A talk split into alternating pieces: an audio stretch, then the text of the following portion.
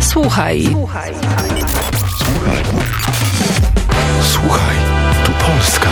Odkrywaj Polskę razem z nami. Historia trwa. Najlepsze przed nami.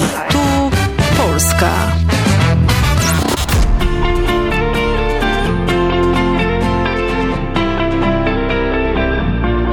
Chyba zaryzykuję, bo coraz lepiej umiem w to Nie mam zegarka, liczy się już tylko to, że na full zatankuję I z tobą wyloguję, życie to trasa, a ja szeryfem lewego pasa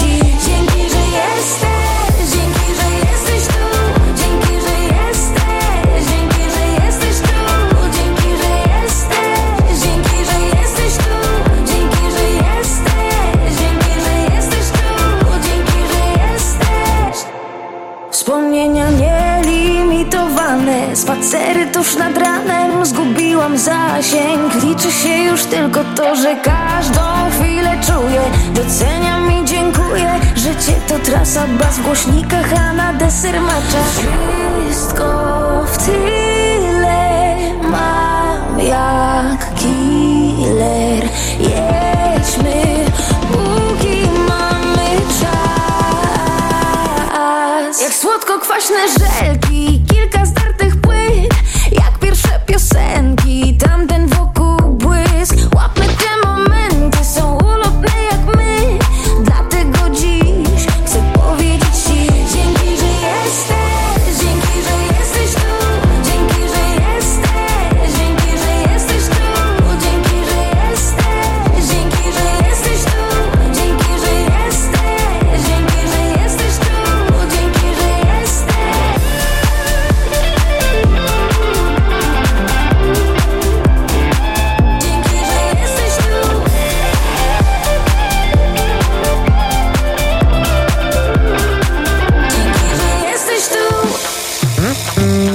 друзі, на польсько-українському проєкті Слухай ту Польська. Сьогоднішня програма буде про музику. На початку ХХ століття західна класична музика переживала кризу. Композиторський метод, до якого найбільші майстри вдавалися майже впродовж 300 років, вже себе вичерпав. Повстала дилема писати музику за старими принципами, ризикуючи наслідувати попередників, чи компонувати її по-новому за правилами, які ще потрібно було продумувати для гармонії, мелодії та форми музичного твору. Лише трьох композиторів, які відмовилися від старих принципів і приєдналися до так званої музичної революції, широка публіка вважала беззаперечними майстрами. Це Белу Барток, Ігор Стравінський та Албан Берг. Через багато років кожен із них мав чималий вплив на творчість Вітольда Лютославського, який з'явився на світ якраз у розпал музичної кризи. Про непросте життя та феномен творчості Вітольда Лютославського сьогодні на польсько-українському проєкті Слухайте Польська розповідаємо разом із виданням Нова Польща і Марчином Краєвським.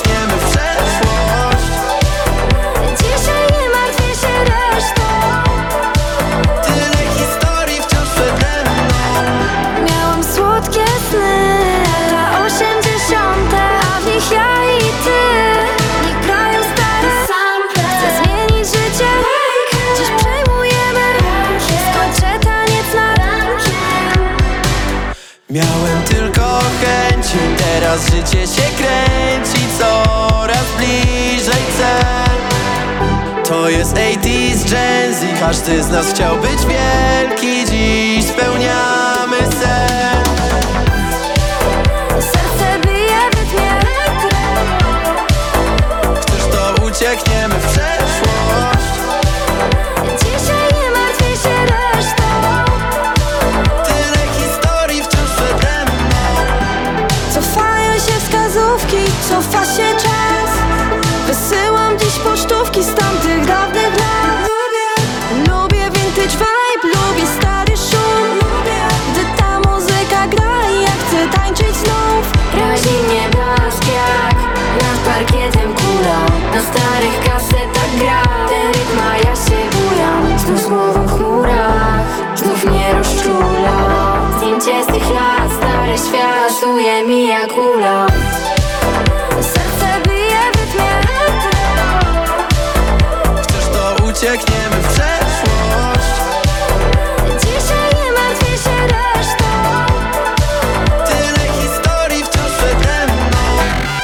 Słuchaj, słuchaj. Tu Polska. Лютославський народився 25 січня 1913 року в сім'ї шляхтичів, які володіли землями у селі Дроздово під Ломжею. Це на північному сході Польщі. Батьки майбутнього композитора були музично обдаровані, обоє грали на піаніно. А з часом і Вітольд розвинув свою гру до віртуозності. Його переважно виховувала мама Марія. Проте ним займалася і родина по батьковій лінії: землевласники, священники, філософи, хіміки та коментатори Платона. Рід Лютославських завжди славився непересічними особистостями. Під час Першої світової війни родина Лютославських переїхала до Москви, де Юзеф із братом Маріоном діяли в русі незалежності Польщі. Батько Юзеф Лютославський був задіяний у підпільному русі емігрантів, які формували польські військові підрозділи, які у відповідний час мали виступити за звільнення Польщі. Батька і дядька Лютославського арештували і у 1918 році за наказом Фелікса Дзержинського розстріляли. Після відновлення незалежності Польщі Вітольд із мамою та двома старшими братами повернувся на батьківщину. Оскільки родинний маєток у Дроздові на річці Нарев був повністю зруйнований, Лютославські оселилися у Варшаві. Вже в дев'ятирічному віці Вітольд почав писати музичні твори. Він ходив до елітної гімназії Стефана Баторія та активно займався музикою. Гри на скрипці його навчала відома скрипалька Лідія Кмітова. Цікаво, що композиції Вітольд почав е, навчатися лише в 14 років. Приватні уроки йому давав Вітольд Мілашевський, забутий сьогодні польський композитор та талановитий диригент. Коли у юного учня закінчилися гроші на навчання, педагог вирішив продовжувати заняття безкоштовно, взявши, однак, із Лютославського обіцянку, що той одного разу подібним чином допоможе якомусь молодому композитору. Вітольд дотримав слова і через багато років заснував стипендію свого імені, яка багатьом польським музикантам відкрила дорогу в найкращі європейські музичні училища.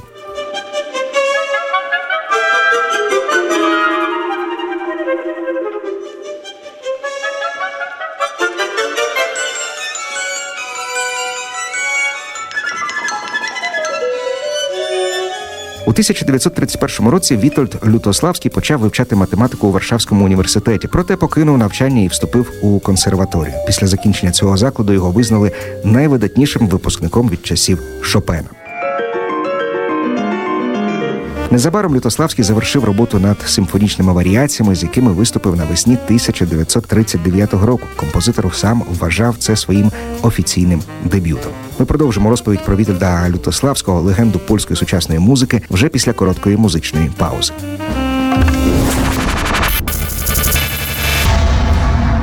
Kopiuj i wklej Przez palce nam ucieka dzień Myślami podróżuję gdzieś z map Być out of office chociaż raz Gdy ktoś zadzwoni nie ma nas. Na dzisiaj mam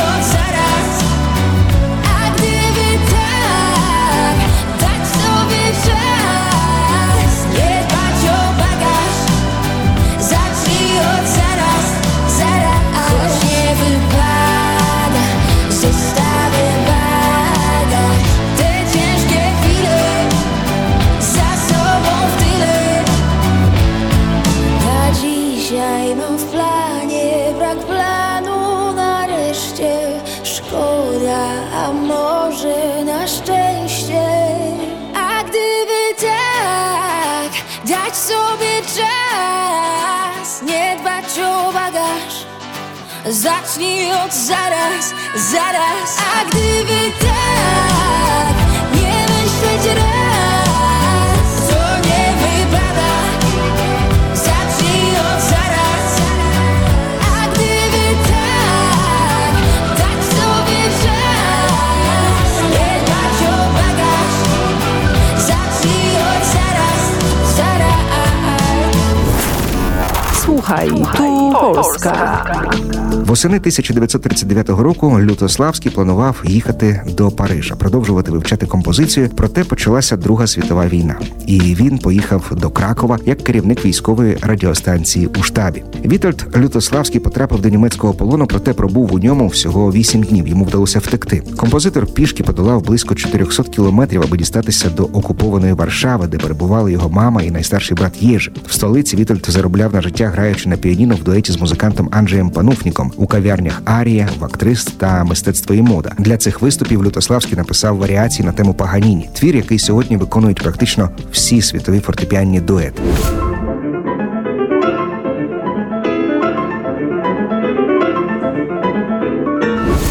Також під час окупації Лютославський брав участь у таємних концертах у приватних домівках. Їх влаштовували, аби зібрати гроші на допомогу митцям, які переховувалися, зокрема для Владислава Шпільмана. За кілька днів до початку Варшавського повстання Вітольд Лютославський разом із матір'ю покинув столицю. Вони поселилися у його тітки на віллі під Варшавою. Позаяк добиратися туди потрібно було пішки. Композитор взяв з собою лише одну валізу із найнеобхіднішим, залишивши вдома всі ноти, крім двох циклів варіацій дипломної лакрімоза. Коли у 1945-му Вітольд Лютославський повернувся у рідне зруйноване місто, зрозумів, що всі його довоєнні рукописи згоріли.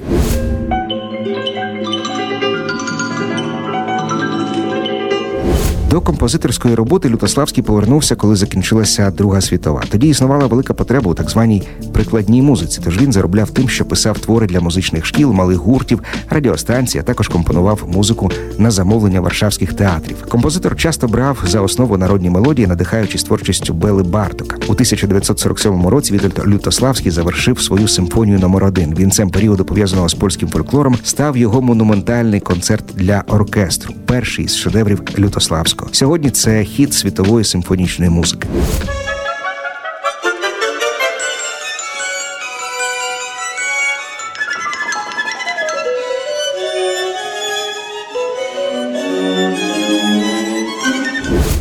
Повоєнні роки Вітольд Лютославський працював на радіо, був активним діячем спілки польських композиторів. Проте у 1948 році вийшов із неї, поза як не хотів миритися із чимраз більшим впливом соцреалізму і партії, яка втручалася у творчість композиторів. Wyraźnie widzę cel, jadę po zakrętach.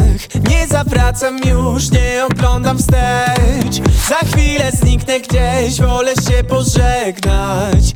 Nie pękam, ja wrzuciłem wyższy bieg. Drogę, jak zwykle przez życie szybko gonię Potem zrobię.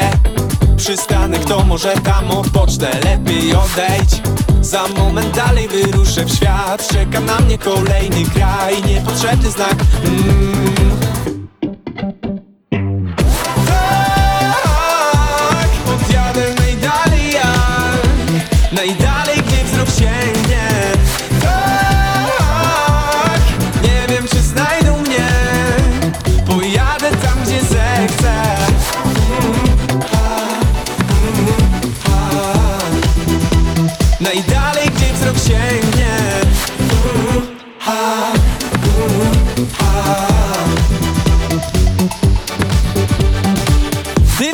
Cały dzień w radiu gra piosenka. Niepotrzebny skrót, droga cieszy mnie. Możesz zaczepić mnie, nie zatrzymasz jednak. Nie będę stać, ja wrzucam wyższy bieg. Drogę koleją, autem lub samolotem. Zawsze dotrę do miejsca, które sobie założę. Wiem co zrobię. Byle przed siebie taki jest plan. Teraz widzę za oknem jak dobrze widzę świat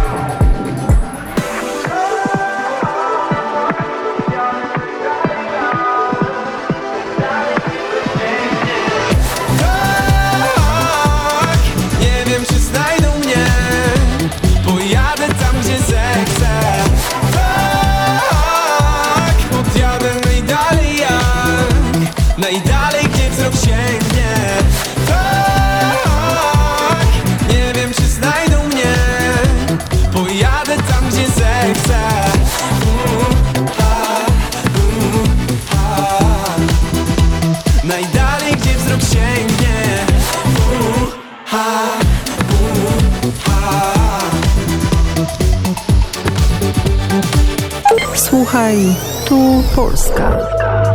Відразу після війни композитор одружився з Марією Данутою Дигат, з якою познайомився під час одного із своїх концертів у кав'ярні. Подружжя було нерозлучним. Данута допомагала Вітольду в його композиторській роботі, переписуючи готові рукописи. Її почерк настільки схожий на почерк чоловіка, що у дослідників іноді виникають проблеми із визначенням того, хто написав той чи інший фрагмент твору. 1948 року композитор завершив симфонію номер 1 Під час її прем'єри на концерті, що відкривав четвертий міжнародний конкурс імені Фредерика Шопена, совєтські члени журі покинули зал на знак протесту проти формалізму. А Володимир Сокорський, секретар ЦК профспілок і міністр культури та мистецтва, один із головних ідеологів російського соціалізму, після концерту розкритикував Лютославського, зазначивши, що такого композитора треба кинути під трамвай.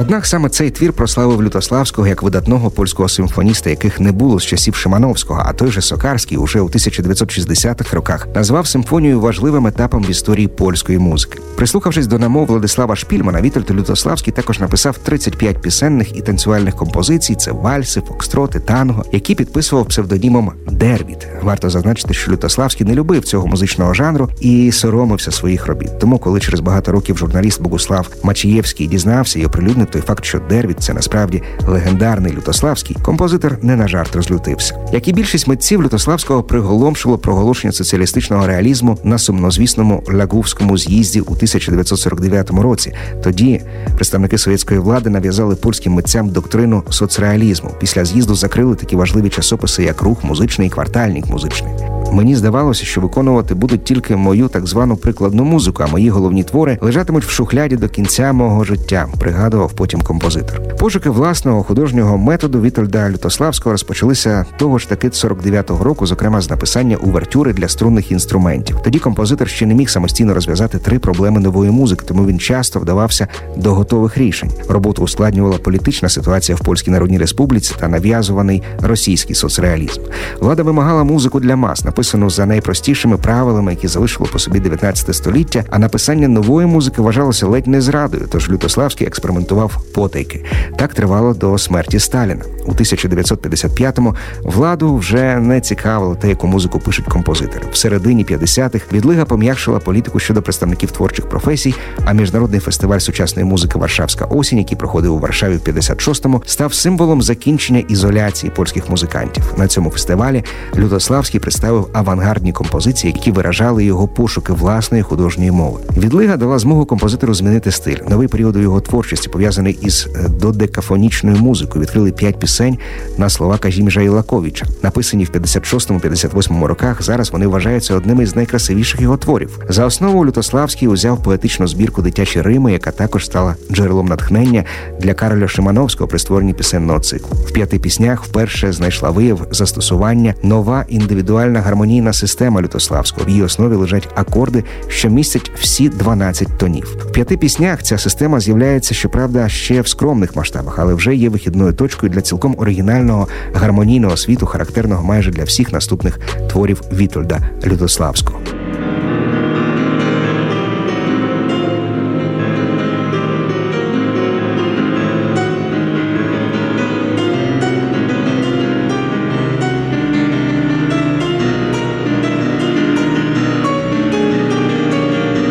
Варто наголосити на тому факті, що він приділяв настільки багато уваги гармонійно-мелодійній організації своєї музики, оскільки пріоритетність цих елементів е, в музиці очевидна для багатьох поколінь європейських композиторів з часів щонайменше дюфаї в другій половині ХХ століття або ставилася під сумнів, або взагалі відкидалася. П'ять пісень Вітольда Лютославського дійсно стали справжнім проривом в творчості, який відкрив шлях композитору до світової слави.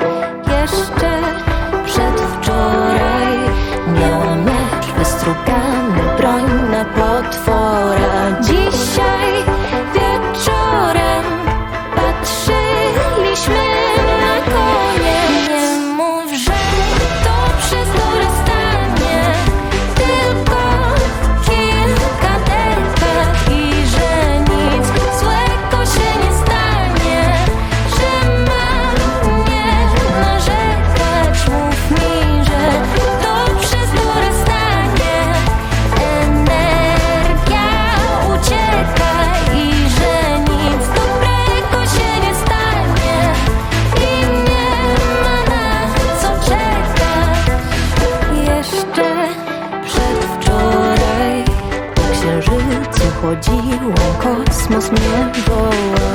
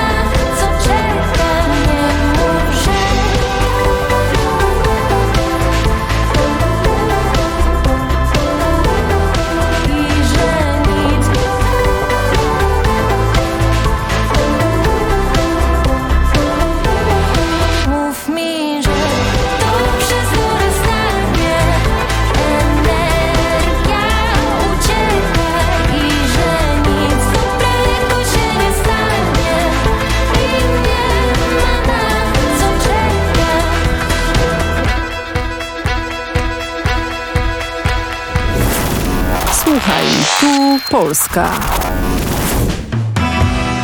Вітольду Лютославському почали надходити цікаві пропозиції з-за кордону і, забезпечивши собі таким чином фінансову стабільність, тепер він міг зосередитися на написанні нової своєї музики. Наступний після жалобної музики період у творчості композитора відповідно до загальноприйнятої класифікації починається твором Венеційські ігри, вперше виконаним на біанале у Венеції в 61-му році. В венеційських іграх Вітольд Лютославський створив техніку, яку називав контрольованою алеаторікою або ж методом колективного адлібітум. Йдеться про допускання випадковості у творі про музику, що твориться ніби волею випадку. Але аторика на довгі роки стала головною характерною особливістю творів Вітальда Лютославського. А венеційські ігри композицію, яка неодмінно згадується в книгах про музику ХХ століття.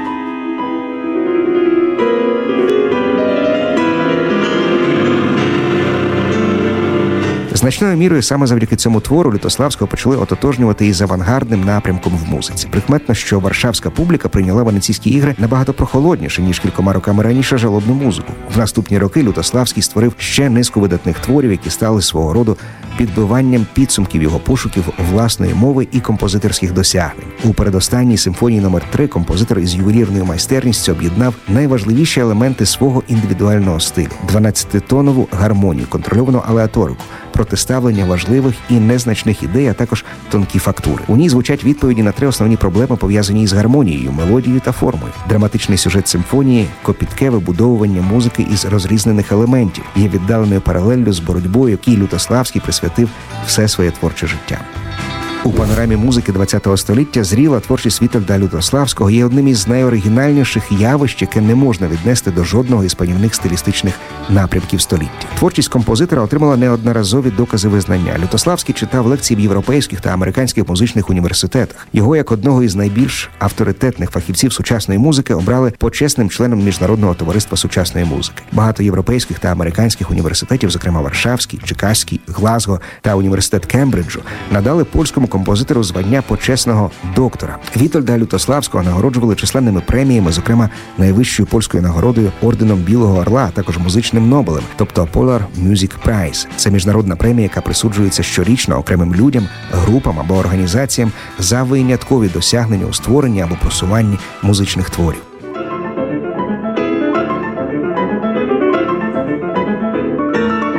Вітольд Лютославський помер у Варшаві 7 лютого 1994 року.